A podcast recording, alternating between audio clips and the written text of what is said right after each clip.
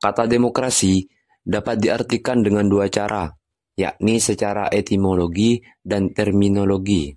Adapun secara etimologi dapat diartikan sebagai kekuasaan atau kedaulatan rakyat, dan secara terminologi adalah suatu sistem pemerintahan yang sangat yang selalu melibatkan warga negaranya dalam pengambilan keputusan.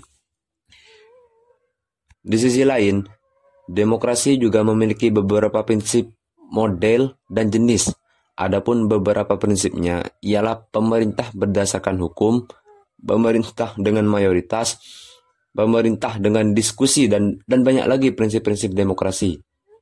Dan untuk model dan jenisnya, demokrasi terdapat beberapa bentuk yakni demokrasi liberal, demokrasi terpimpin, demokrasi sosial, demokrasi partisipasi, demokrasi kons konsosiasional, dan demokrasi dan demokrasi bukan hanyalah masalah kenegaraan melainkan juga ada sakut pautnya dalam Islam. Akan tetapi Islam tidak mengenal yang namanya demokrasi ala barat kecuali setelah adanya pembenturan kedua kebudayaan antara Islam dan budaya barat.